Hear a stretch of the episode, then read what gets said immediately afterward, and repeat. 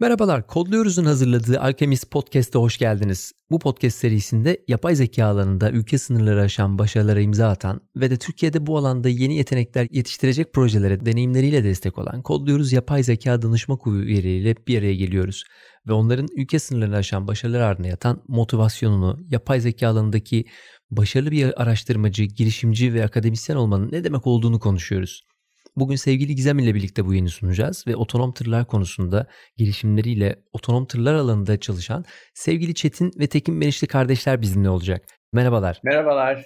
Çok teşekkürler. Keyifli bir gün olacak bugün. Heyecanlı konuları konuşacağız. O yüzden bugün e, güzel bir konu olsun diyerek mikrofonu önce sana yönlendireyim. Ondan sonra yavaş yavaş başlayalım. Hem de konuklarımıza bir merhaba demiş oluruz. Öncelikle hoş geldiniz e, sevgili Çetin ve Tekin. E, nasılsınız diye sormak istiyorum. E, ve teşekkür ederiz bugün yayınımıza katıldığınız için. Çok çok teşekkürler. Öncelikle bize teşekkür etmek istiyoruz bu nazik davetiniz e, için. İyiyiz. E, her şey yolunda, yoğunuz, koşturuyoruz ama keyifler yerinde. Çok heyecanlı, çok güzel e, şeyler oluyor. Umarım siz de değilsinizdir. Bugün Türkiye'den uzaklarda okyanusun öteki tarafında, diğer tarafında e, otonom tırlar konusunda keyifli çalışmalar gerçekleştirdiğiniz projenizden, şirketinizden, girişiminizden biraz konuşacağız. Ama tabii öncelikle e, bu hoş geldin faslının hemen arkasından aslında sizi tebrik ederek yayına girmek istiyorum. Dinleyenlerin bir kısmı sizi tanıyordur. Kodluyoruz'u takip edenlerin bir kısmı sizi zaten tanıyordur. E, girişimler tarafında, otonom araçlar tarafında da sizi takip edenler biliyordur. Ama bilmeyenler için hatırlatalım. E, sevgili Tekin ve Çetin Meriçli e, Locomotion adlı bir otonom tır çözümleri üreten girişimin e, kurucuları. E, hatta geçtiğimiz Haziran ayında eğer yanlışım olursa beni düzeltirsiniz 5.98 milyon dolarlık bir yatırım aldılar. E, bizleri de çok heyecanlandırdılar. Uzaktan takip ediyoruz. E, müthiş gurur duyduk ve tebrik ediyoruz. E, diyerek başlayayım. E, mikrofonu biraz sevgili Çetin ve Tekin'e vereyim. Hem bu haberden başlayalım. Ondan sonra yavaş yavaş sorularımıza devam ederiz. Müthiş gelişmeler oluyor galiba. Toplamda aldığımız yatırım bu yaz içerisinde aldığımız yatırım toplamda 17 milyon dolara geldi. Şirketin başlangıcından beri aldığı yatırım da 22 milyon doların üzerine çıktı. Yani epey bir miktar e, yatırım almış olduk. Şu anda keyfimiz, keyfimiz yerinde. 5,5 milyon dolar bizim 2018 e, yazında aldığımız çekirdek yatırımdı. E, bu abimin bahsettiği miktarda işte çekirdek 2 olarak geçen yatırım. Hala şey aslında Series A öncesi bir şirketiz o anlamda. Üst üste harika haberlermiş. Emeklere sağlık. Peki e, Tekin Meriçli ve Çetin Meriçli kardeşler kimdir? E, Locomotion AI'ya gelene kadar nasıl bir eğitim ve kariyer geçmişiniz oldu? Biraz onlardan bahsedebilir misiniz bizlere? Abim böyle bir şey oldu, e, yol açıcı oldu. Ben onun adımlarını takip ettim aslında kariyerlerimiz hep birbirlerine çok benzer oldu. Çok benzer patikalardan yürüdük. Aşağı yukarı benzer işler üzerinde çalıştık. İşte akademik hayatımızda da 30'a yakın şey, birlikte yazdığımız makale var. İşte teknik raporlar olsun, konferans makaleleri olsun. Lisans eğitimlerimiz bilgisayar mühendisliğinden, ikimizin de Marmara Bilgisayar Mühendisliğinden. Abim master'ı Boğaziçi Bilgisayar'dan, ben master için Amerika'ya gelmiştim, e, Texas Üniversitesi'ne, e, Austin'deki. Doktoralarımız için tekrar buluştuk. Doktoralar yine Boğaziçi Bilgisayar'dan.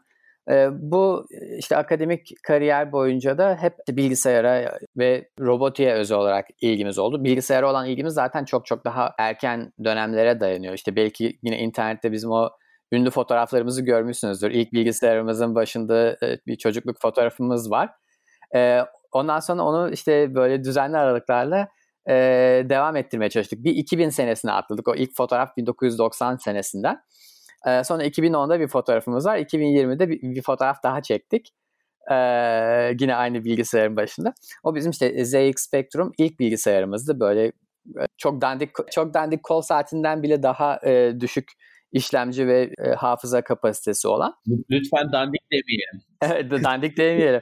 dandik demeyelim. Doğru. Aslında, aslında işin ilginci o, o, o prosesörler falan böyle çok eski işte e, uzay araçlarını falan uçuran cinsten şeyler. Düzgün programladığın zaman aslında göreli olarak e, güçlü e, işlemciler ama mesela işte bugün cebimizde taşıdığımız telefonlara şunlara bunlara kıyasla inanılmaz kısıtlı kaynaklar olan bir bilgisayar. İşte ilk programlama şeylerimizi, e, deneyimlerimizi o bilgisayar üzerinde yaşadık. Yine işte abim e, daha önden gidiyor bir şeyler yapıyor. Ben onu takip ediyorum falan bu bilgisayar sevdasıyla bir şekilde bizim bilgisayar okumamız lazım falan diye işte lisans eğitimlerimizi bilgisayar mühendisliğinde gerçekleştirdik. Aynı hocalarla çalıştık. Yine işte o dönemlerde robotiğe ilgimiz birazcık daha artmaya başladı.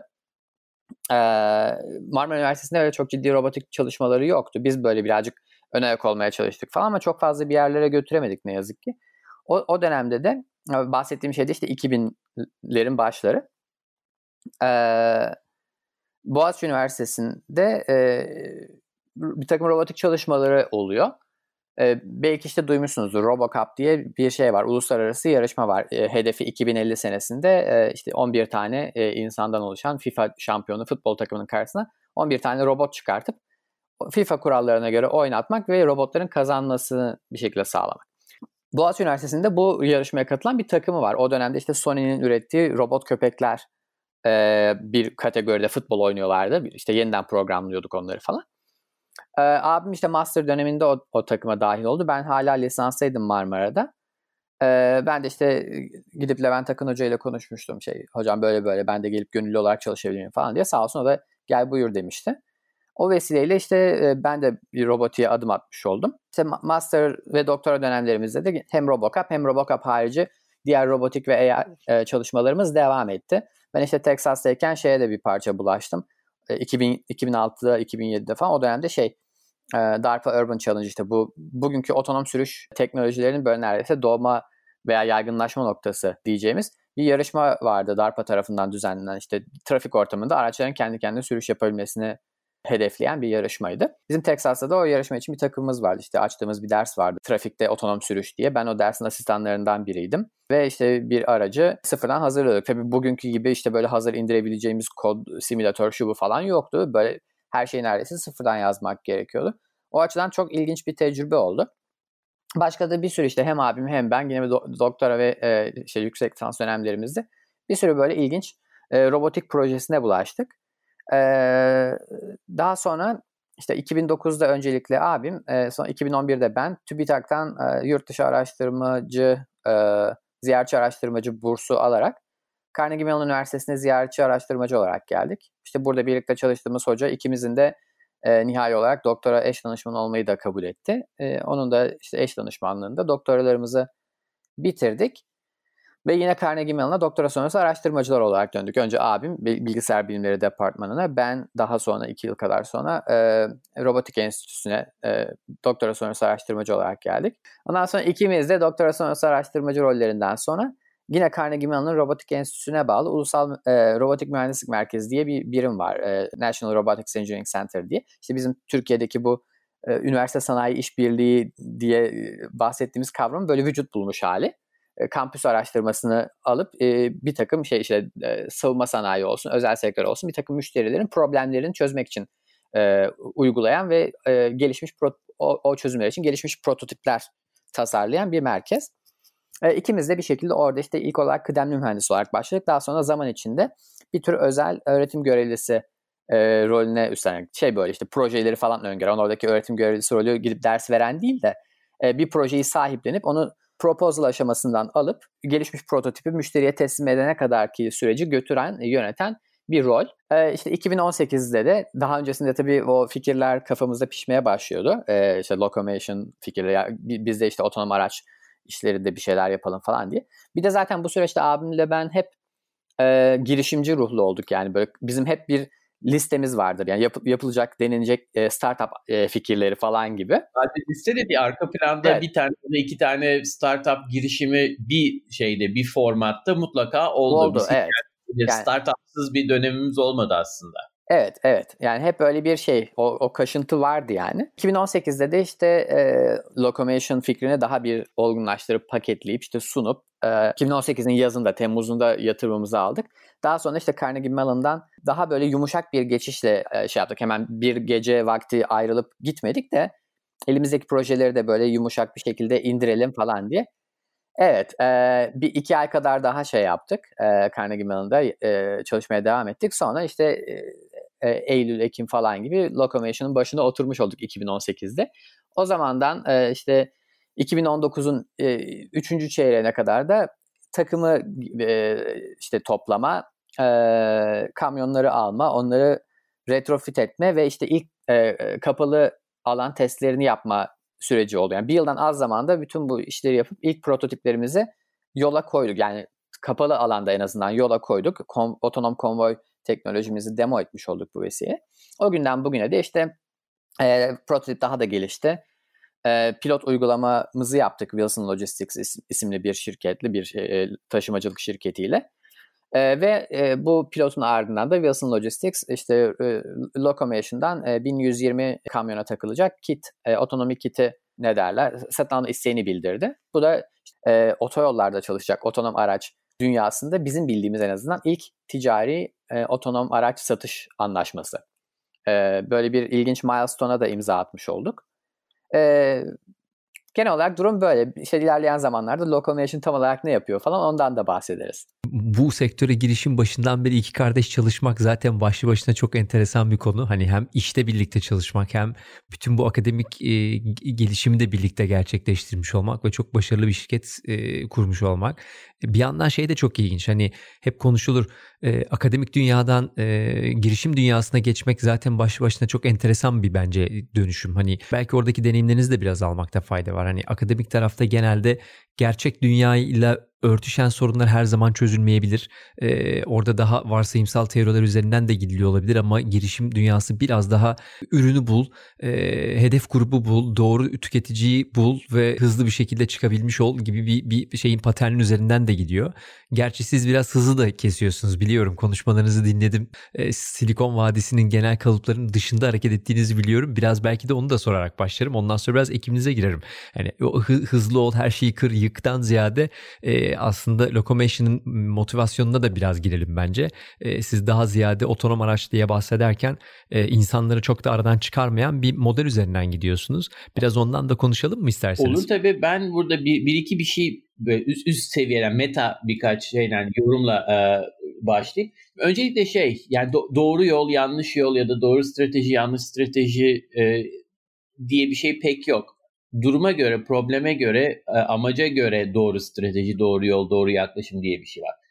Her şeyin yeri vardır denir ya. E, bizim en büyük avantajımız biz gerçekten bu dediğin gibi işte pür akademi, akademi gerçek dünya işbirliğinin orta yerindeki işte bu prototipleme ve e, problem çözme ve tamam şimdilerde de işte tam girişimcilikte gel tamamen bir şey bir, bir şirket içerisinde şirket amacıyla bir şeyler çözme bu spektrumun her tarafında yer aldığımız için e, her taraftaki şeyi çok iyi anlıyoruz. E, hedefleri. Akademideyken e, hedefin bir problemi, o problemi çözmüş olmak için çözmek.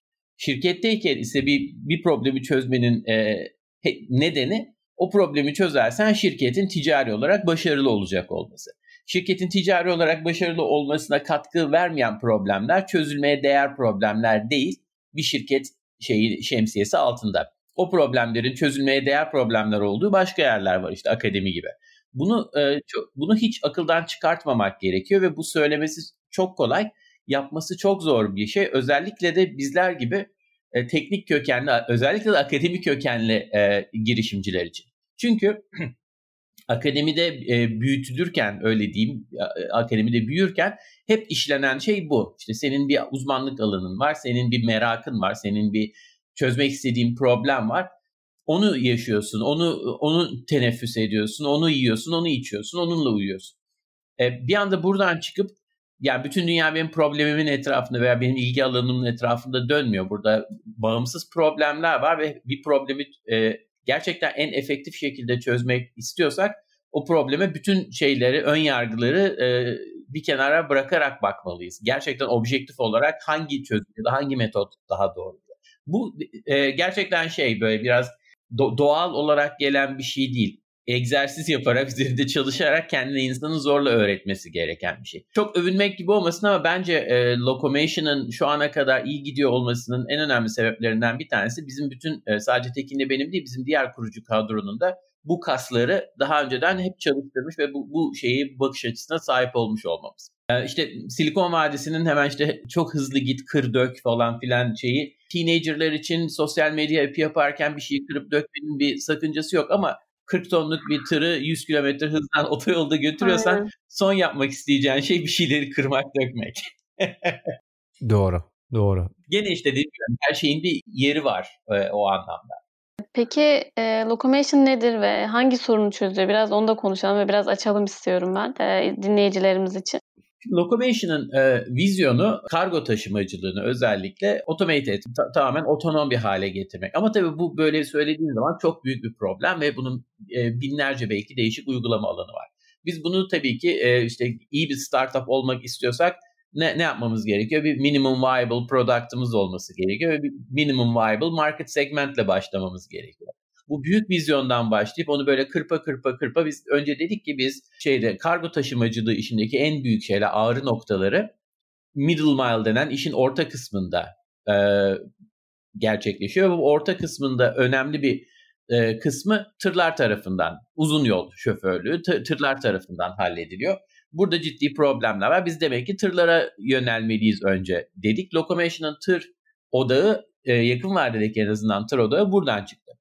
Onun da ötesinde biz e, Tekin'in de bahsettiği gibi bugün itibariyle gerçekten 10 yıllardır e, robotik ve yapay zeka işinin içerisindeyiz.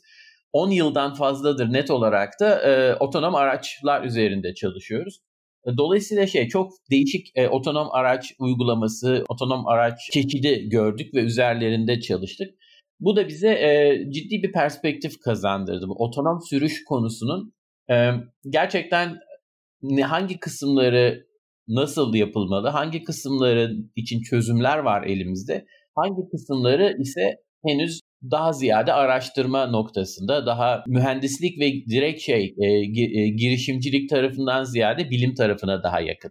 Buradan hareketle şuna karar verdik. Bir şekilde bir şeyi, bir tırı ya genel olarak bir robotu daha doğrusu etrafında belirsizlik ve kaosu biz sınırlayabilirsek, belirsizlik ve kaosun az olduğu ya da olmadığı bir ortamda robotları bir yerden bir yere hareket edecek şekilde geliştirmek ve bunu gerçekten çok e, güvenli ve çok tutarlı bir şekilde yapabilmek mümkün. Bu teknoloji elimizde var. Bunun da örnekleri mesela Amazon'un ambarlarında kullandığı robotlara falan baktığımızda görebiliyoruz. İşin içerisinden e, kaosu ve işin içerisinden özellikle insanlar tarafından üretilen belirsizliği çıkartırsak geri kalan kısmını robotlar aslında halletmekte e, gayet yetkinler sorun nerede çıkıyor? Sorun gerçek dünyada diğer insanlarla bir arada yaşamaya çalışıp diğer insanlarla bir arada e, bulun, bulunduğumuzda oluyor.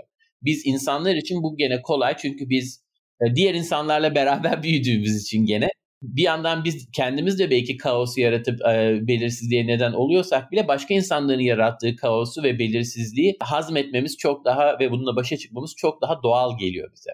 Bunun için çok zeki ya da çok e, kapasiteli olmamıza gerek yok. Sadece insan olmamız yeterli. Öte yandan bu hala bir makine için, bir bilgisayar için, bir robot için son derece zor.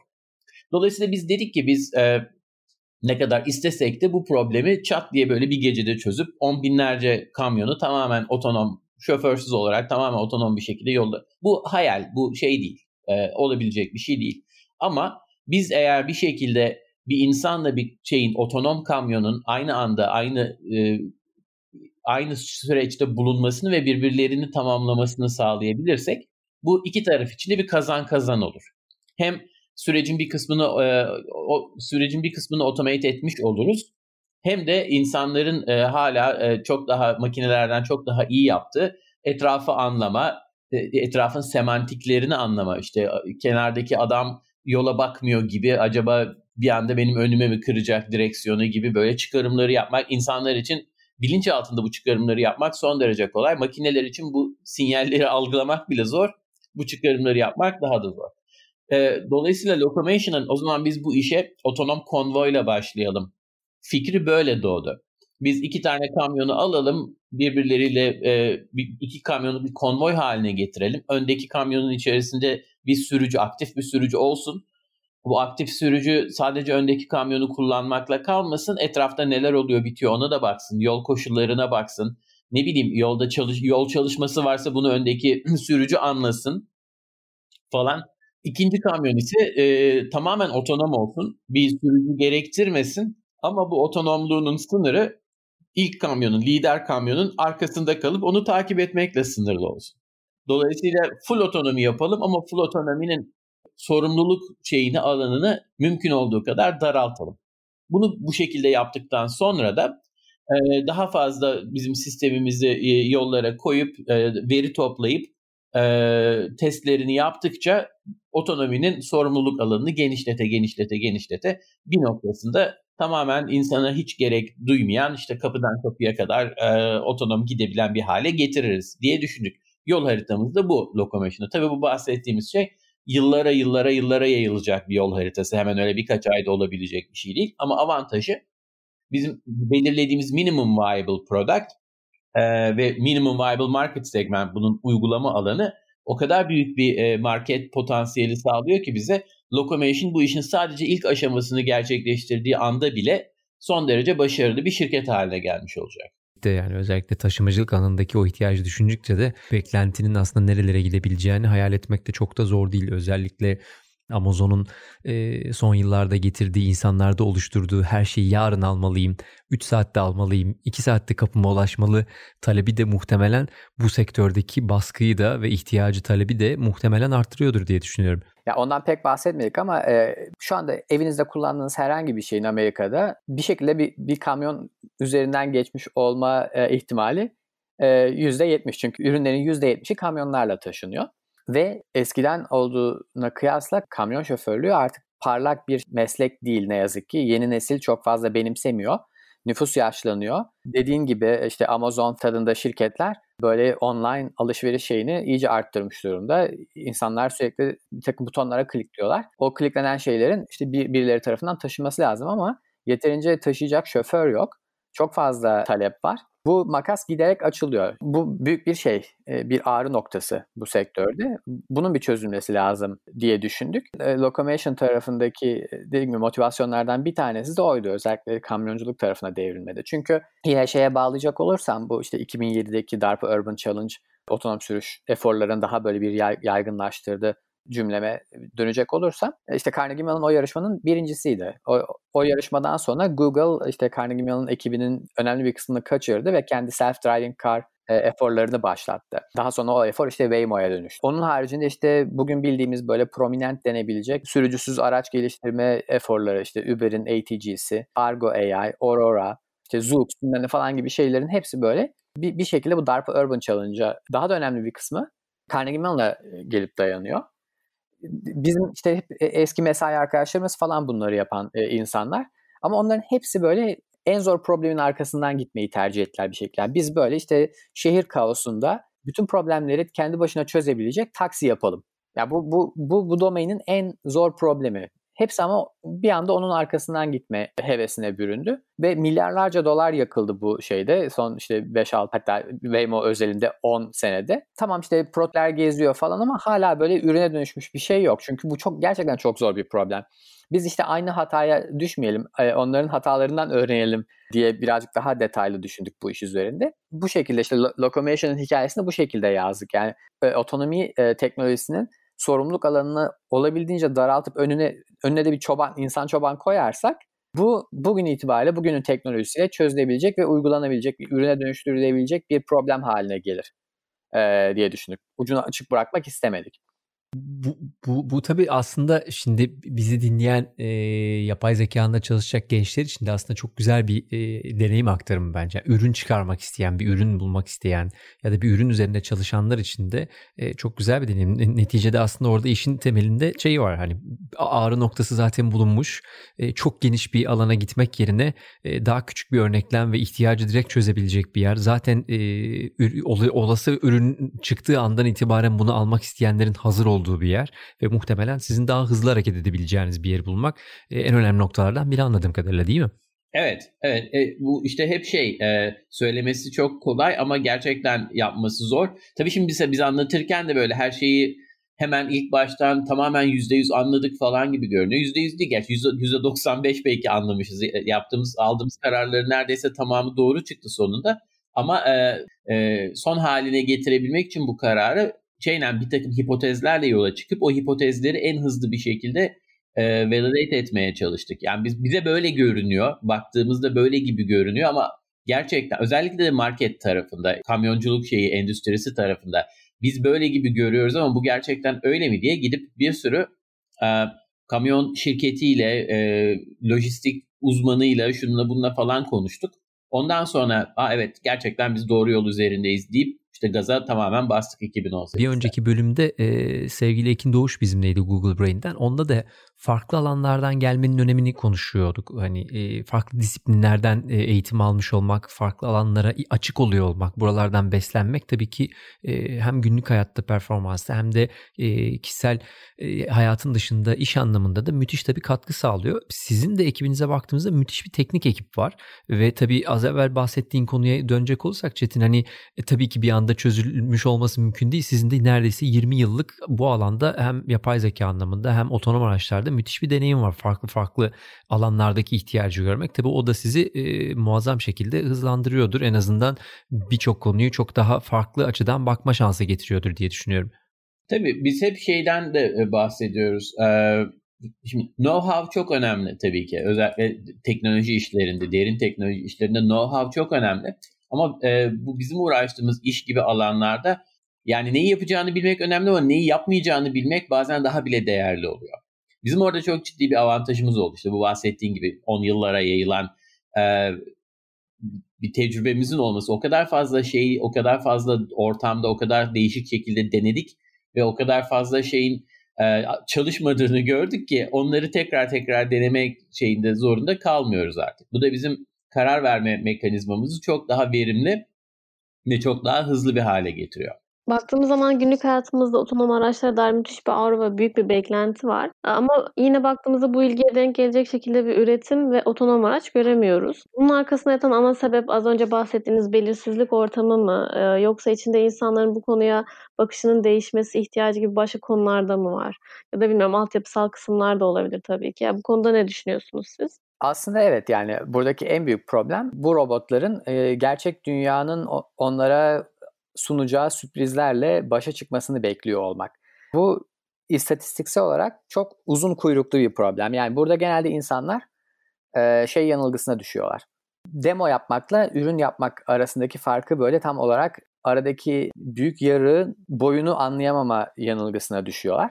Orada da işte şey e, bu, bu teknolojinin tarihine, kronolojisine bakacak olursak aslında yani böyle 1950'lerde falan bile bir, bir tür otonom araç denemeleri yapılmış durumda. İşte 1980'lerin sonlarına doğru yine Carnegie Mellon'ın e, e NavLab denen işte navigasyon teknolojileri üzerinde çalışan laboratuvarının e, Pittsburgh'den e, şey yanlış hatırlamıyorsam Los Angeles'a kadar yani cross country e, böyle zamanın önemli bir kısmında da e, ellerin direksiyona değmediği şekilde otonom sürüş e, demosu yaptığı bir şey var mesela çalışma var. Oradaki tam oran %98.4. Evet, evet yani e, bu teknolojinin demosunun yapılması böyle 20, 30, 40, 50 yıllar öncesine kadar gidiyor ama işte hala ortada bir şey yok. E, bir ürün yok. Bunun nedeni de e, yine bahsettiğim şey istatistiksel olarak uzun kuyruklu bir problem olması. Uzun uzun kuyrukta şeyden geliyor.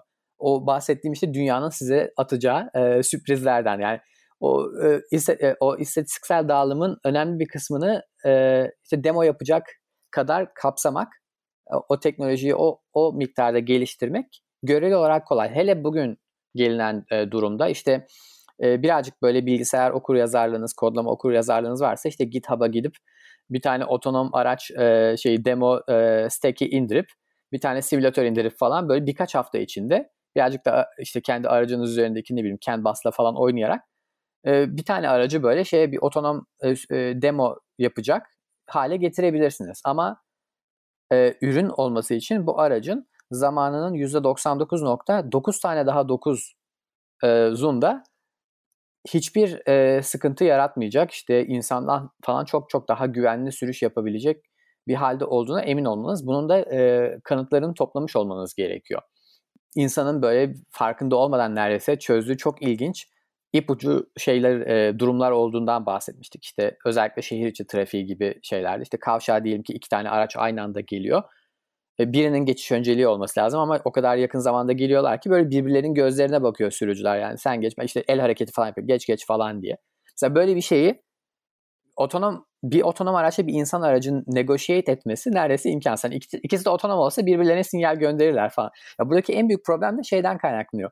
Bu hibrit e, ortamla başa çıkmaya çalış, çalışıyor olmamızdan kaynaklı. Mesela bugün bütün insan sürücülü araçları ortadan kaldırsak ve hepsini bir anda otonom araçlarla değiştirsek bu problem çok daha basit bir hale gelir. Çünkü onlar birbirleriyle komünike olurlar. İşte infrastructure'la da komünike olurlar falan. Ben geçeyim sen dur falan. Bunu yapabilirler.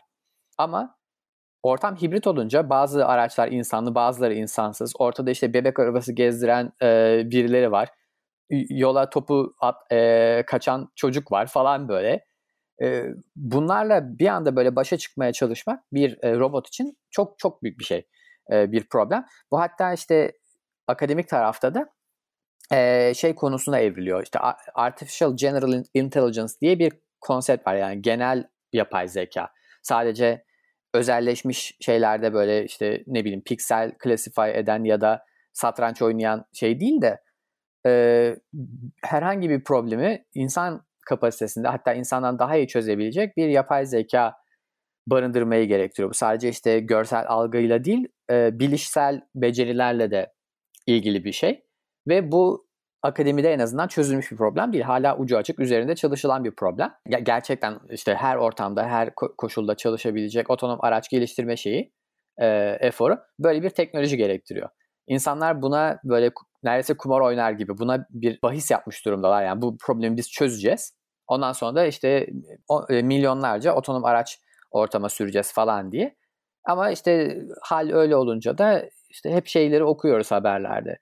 E, teoride işte bir sürü şirket 2018'de 2019'da ilk otonom araç ürünlerini o, piyasaya sürecekti. O, ondan sonra timeline'lar kaymaya başladı. İşte 2019'da 2020'de yapacağız. Yok 2020'de yapacağız. Şimdi insanlar mesela 2024, 2025 falan diye konuşmaya başladılar. Yani böyle sürekli bu şey takvim öteleniyor. Çünkü bu problem hala özünde çözülmüş değil. Bu her zaman böyle bir 4-5 sene ötede. Evet, evet hep bir 4-5 sene sonrasını veriyor insan. Bir, bir beklenti yaratalım, biraz PR çalışması yapalım. Hatta şeyi hatırlıyorum. Tabii ilk, ki, ilk Tesla... 5 sene o kadar uzak ki Doğru. kimse o 5 senenin hesabını sormaz diye Doğru. Genelde de unutuluyor zaten arada birçok haber çıktıktan evet. sonra. Çünkü şeyi hatırlıyorum. ilk Tesla aracını çıkardığında Ford gibi e, otomobil devleri bayağı gülmüştü zamanında. E, hatta e, çok enteresan yanıtlar vermişti ama bugün baktığımızda hepsi tabii şimdi e, çok büyük bütçelerle çalışmalar yapmaya çalışıyorlar. Mecburen bu işin içinde olmadıkları bir dünyada pek yok ama bir yandan da şeyi düşünüyorum e, kültürel kodların farklılığı bu alanda ne kadar etkili oluyor? Ya çünkü şeyi düşünüyorum şimdi mesela Amerika gibi sistemin çok daha oturmuş, e, yolların çok daha farklı bir disiplinde çalıştığı ya da Avrupa'da da belki kodlar daha farklı ama bir anda da işte Türkiye gibi, Hindistan gibi daha e, insana daha odaklı, sistemin çalışmadığı, kuralların tamamen insan üzerinden gittiği bir takım e, yerler de var.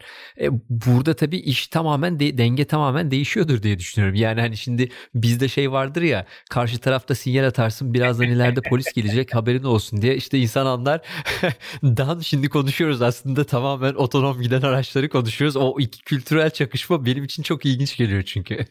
O tabii ki şey e, ya bu arada e, Amerika'da da olay öyle o kadar sistemli o kadar düzenli falan değil. Belki Almanya'da düzenlidir. Burada da aslında burada da farklı Doğru. türde bir kaos var. Bizdeki işte ne bileyim Rumeli Hisar üstü e, şeyi e, kaosu yok belki burada ama ona benzer başka kaoslar var burada da. Dediğin doğru ama mesela e, işi daha da global olarak bakarsak atıyorum Yeni Delhi'de tamamen otonom gidecek bir araç yapmak büyük ihtimalle e, Los Angeles dışındaki işte 10 şeritli şeyde e, otobanda giden bir şey yapmaktan daha farklı.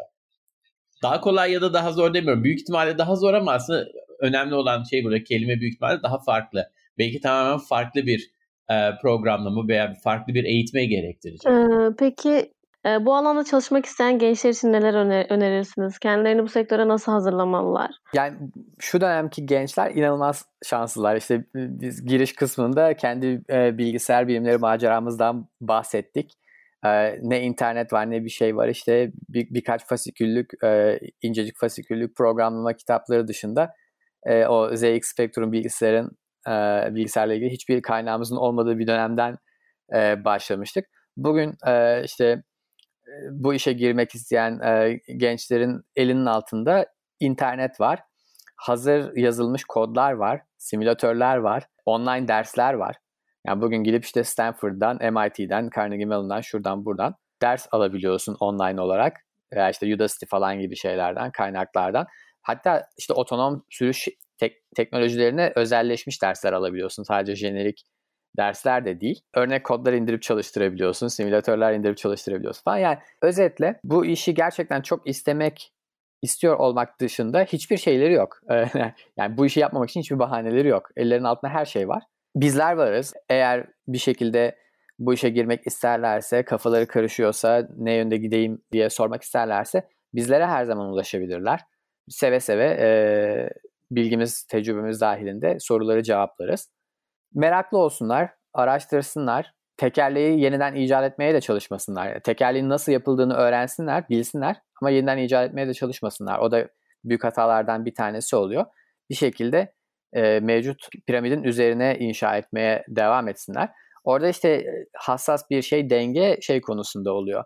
Bu kadar fazla ders, kod parçası, e, araç gereç falan olunca insanlar genelde çok yüzeysel kısımda kalıyorlar. Yani o araçları, o gereçleri kullanacak kadar bir şeyi öğreniyorlar ama birazcık derin kazdığınız zaman altta yatan algoritmaların falan nasıl çalıştığını bilmiyorlar. O, o şeyden kaçınsınlar yani bir şekilde gibi tekerleğin nasıl çalıştığını, nasıl yapıldığını öğrensinler ama sıfırdan icat etmeye uğraşmasınlar.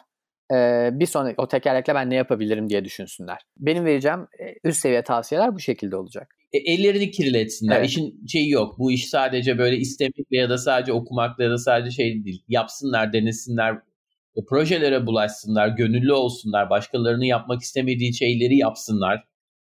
Çünkü her şey bir şey öğretecek. Her öğrendikleri e, minik bilgi parçası bir sonraki e, aşamada problemin bakışlarını değiştirecek. Belki bir şeyi birazcık daha farklı yapacaklar falan.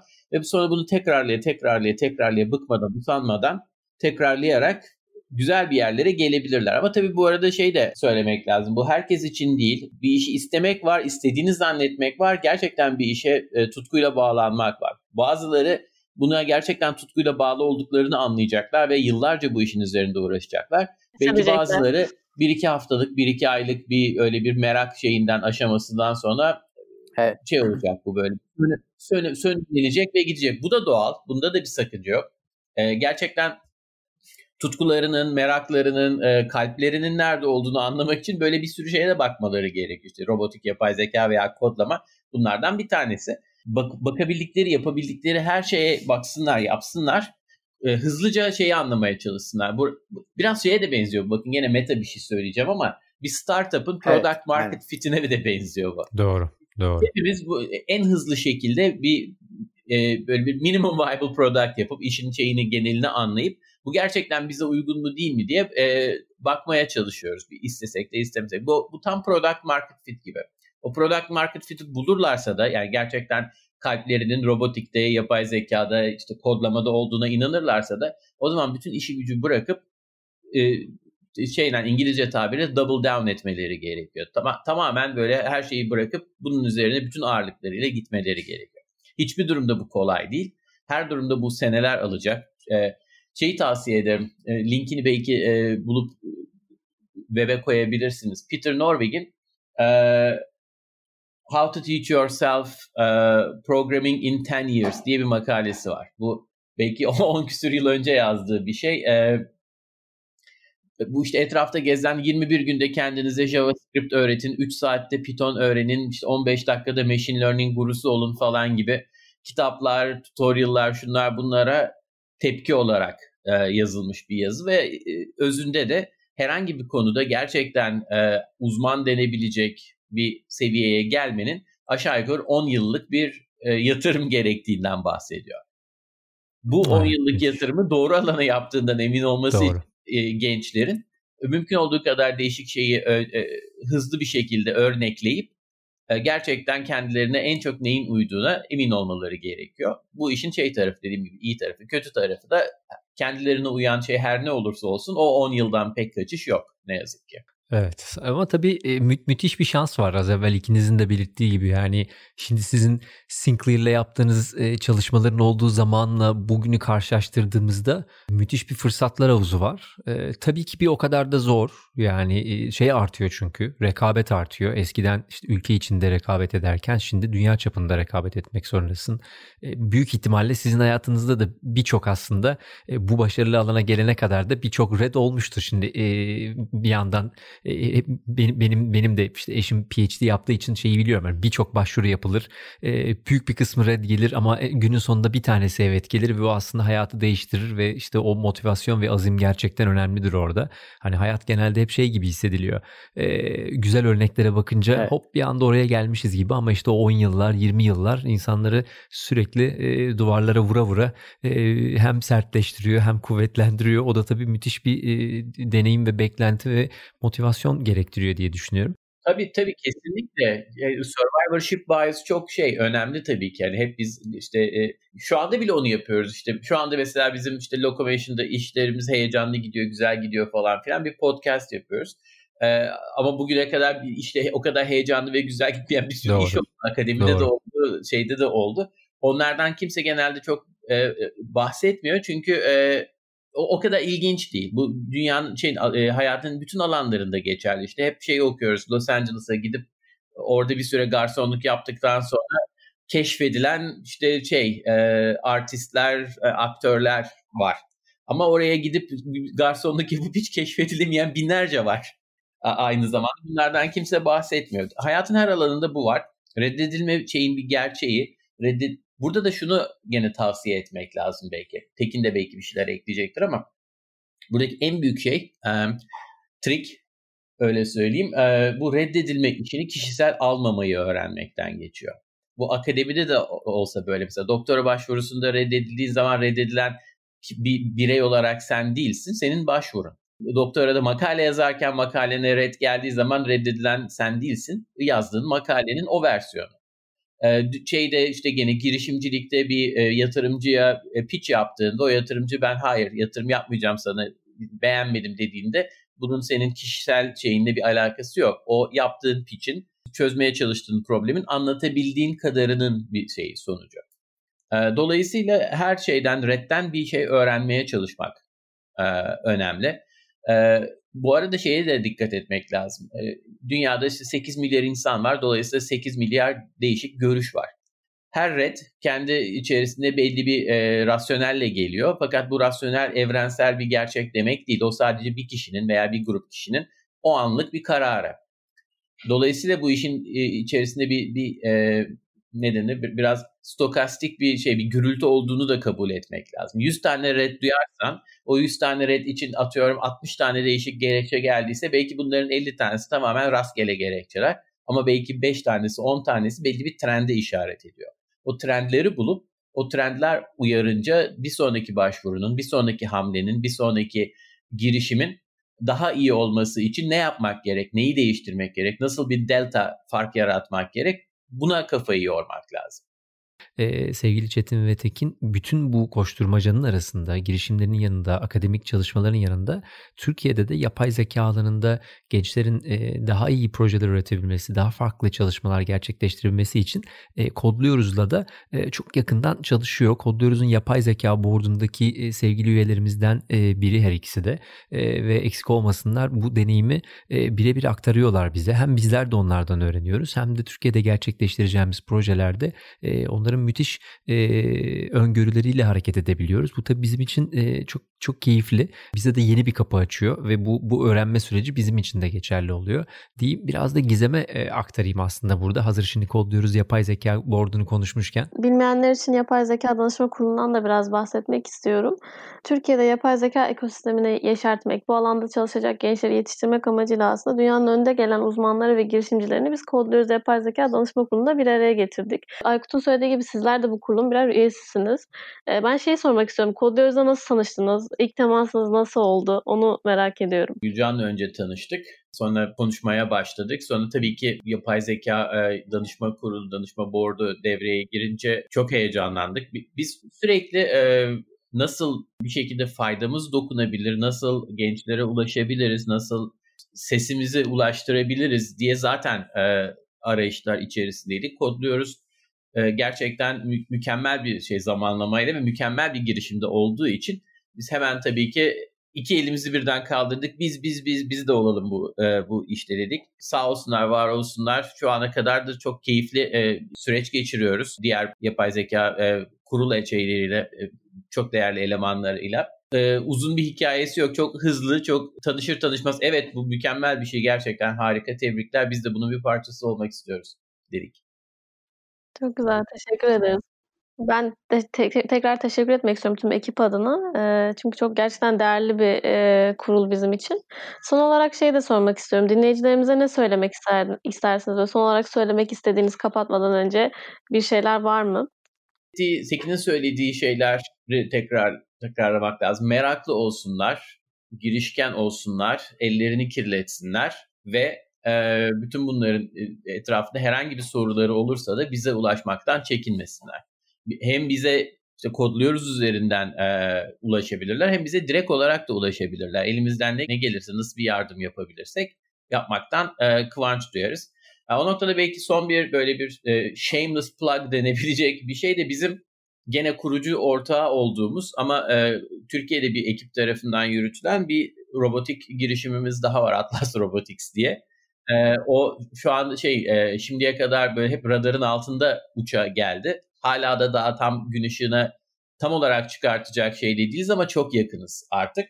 Ee, orada çok heyecanlı şeyler olacak ve orada tabii ki e, genç, yetenekli, dinamik e, ro- robotçu, yapay zekacı çalışma arkadaşları arayacağız. Bunun için de kulaklarını açık tutsunlar.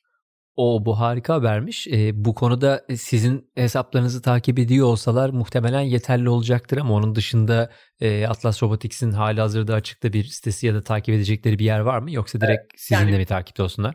Bir web sitemiz var ama henüz şey değil, public. Tamam. Değil yani orada bir şey bir landing page var öyle söyleyeyim. ama itibarlarında tutsunlar, gözlerini açık tutsunlar. Güzel çok çok güzel gelişmeler olacak orada da yakında. Harika. Biz de heyecanlı ve merakla bekliyor olacağız. Bu bizim bizim bizim e, araştırmalarımızın altında kalan bir şey oldu. Güzel haber oldu. Tam konuyu bitirirken şimdi. Şey, stealth mode e, startup demek ki şey gerçekten stealth mode'da kalmayı başarmışız. Gerçekten olmuş. Bir yandan yakında aynı yerde çalışıp da bir yandan bunu yakalayamamış olmamız biraz bizim için şey olmuş ama süper haber oldu. En azından bu, bu podcast'in de bomba haberi olsun. Hem de dinleyenler için de güzel bir haber. Tabii Türkiye için de harika bir haber. Sonuçta biz de bu gelişmelerin Türkiye'den çıkan insanların dünyada bir takım başarılar elde ettikten sonra gene Türkiye'ye geri dönüp e, buradaki gençler için e, hem yeni iş ortamları yaratması hem deneyimi aktarması bizim için tabii en keyif veren, en mutlu eden şeylerden biri. E, bütün amacımız da aslında bu buradaki ortam e, daha da yeşersin, daha da gelişsin ve keyifli şeyler çıkarabilsin. O yüzden bugün ikinizi de burada e, konuk etmek bizim için muazzam keyifti. Yani bu hikayeyi biz bence çok uzun uzun dinleyebiliriz. Burada sorulacak çok soru var aslında. O yüzden bugün bizi dinleyen dinleyiciler mutlaka sizi takip etsinler. Ee, yoksa biz bugünkü konuyu sizin de vaktiniz olsa ben daha sabaha kadar soracak çok sorun var ama Aynen ilerleyen zamanlarda. Geldiniz ne kadar güzel. Birkaç bölüm daha yaparız daha sonra. Onu, onun yolunu yapmaya çalışıyordum. Şimdi Atlas Robotics'in konusu da gelmişken hazır. Belki onun e, asıl resmi duyuruları çıkmaya başladığında sizi bir daha bir alsak bir daha konuşsak ne kadar güzel olur. Çok teşekkür ederim. Sağ olun. Harika ne kadar güzel. Biz çok, çok teşekkür e, ederiz. Çok çok teşekkür ediyoruz her ikinize de gerçekten. Biz çok, çok keyifli bir sohbet oldu. Tekrar e, davet için, nazik davet için çok çok teşekkürler. Eksik olmayın. E, vaktinizi ayırdığınız için biz de çok teşekkür ediyoruz. E, ben o zaman ufak ufak e, kapanışa doğru geçeyim ve öncesinde de tabii ki e, Locomotion AI'daki çalışmalarınız için ve şimdi e, duyurusunu aldığımız Atlas e, Robotics için de e, gerçekten uzun önü açık e, başarılı bir yol çok diliyorum. E, güzel haberlerinizi duymak dileğiyle. Çok çok teşekkürler. Herkese bugün bizi dinledikleri için teşekkür ediyoruz. Kodluyoruz'un hazırladığı Alchemist Podcast'i dinlediniz. Locomotion AI'ın kurucusu sevgili Çetin Meriçli ve Tekin Meriçli ile birlikteydik. Ee, Marmara Üniversitesi'nden İstanbul'dan başlayıp e, Pittsburgh'a giden e, Carnegie Mellon'daki başarılı hikayelerine ve Locomotion'ın kuruluş hikayesine, otonom tırlarla ilgili projelerinin e, hikayesini dinledik ve bu sürede de kendi deneyimlerinden, kendi yaşadıklarından sizlere çıkarabileceğimiz ufak ufak anekdotları aldık, önemli notları aldık. Her ikisine ikisine de gerçekten teşekkür ediyoruz. Umarım sizler de dinleyenler olarak keyif almışsınızdır. Beğendiyseniz lütfen takip edin, paylaşın. Yapay zeka alanında çalışmak isteyen diğer insanlara ulaştırabilecek ortamlarda da bu yayını paylaşın ki daha fazla kişiye ulaşalım. E, ve bu konuda da sorularınız olursa dilerseniz bize, Gizem'e, bana, kodluyoruz'a ya da sevgili Çetin Meriçli, Tekin Meriçli'ye e, bizzat ulaşarak lütfen iletin. E, bu konuda farklı farklı insanlar çok güzel projeler gerçekleştiriyorlar. E, bilgi paylaşınca güzel. E, bütün amacımız da bu. O yüzden bugün bizi dinlediğiniz için teşekkür ediyoruz. İyi ki varsınız. Görüşmek üzere.